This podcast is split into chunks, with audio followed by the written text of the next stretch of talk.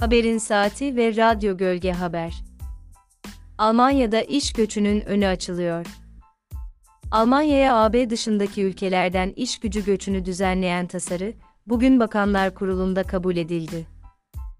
Seneye yasalaşması hedeflenen düzenlemeyle Türkiye gibi ülkelerden Almanya'ya iş gücü göçü kolaylaşacak.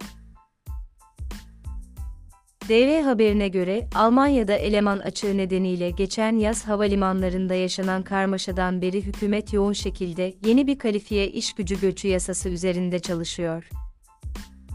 Yeni yasanın ana hatlarını çizen taslak metin, bugün Bakanlar Kurulu'nda kabul edildi. Tasarının gelecek yıl ilkbaharda yasaya dönüşmesinin amaçlandığı duyuruldu.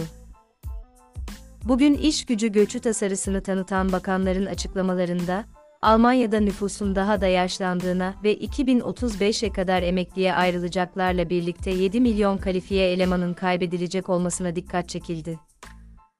Ekonomi ve İklim Koruma Bakanı Robert Habeck Almanya'daki demografik gelişimin yıllardır bilindiğine, ancak bu konuda nedense bir göç yasası çıkarılamadığına işaret etti.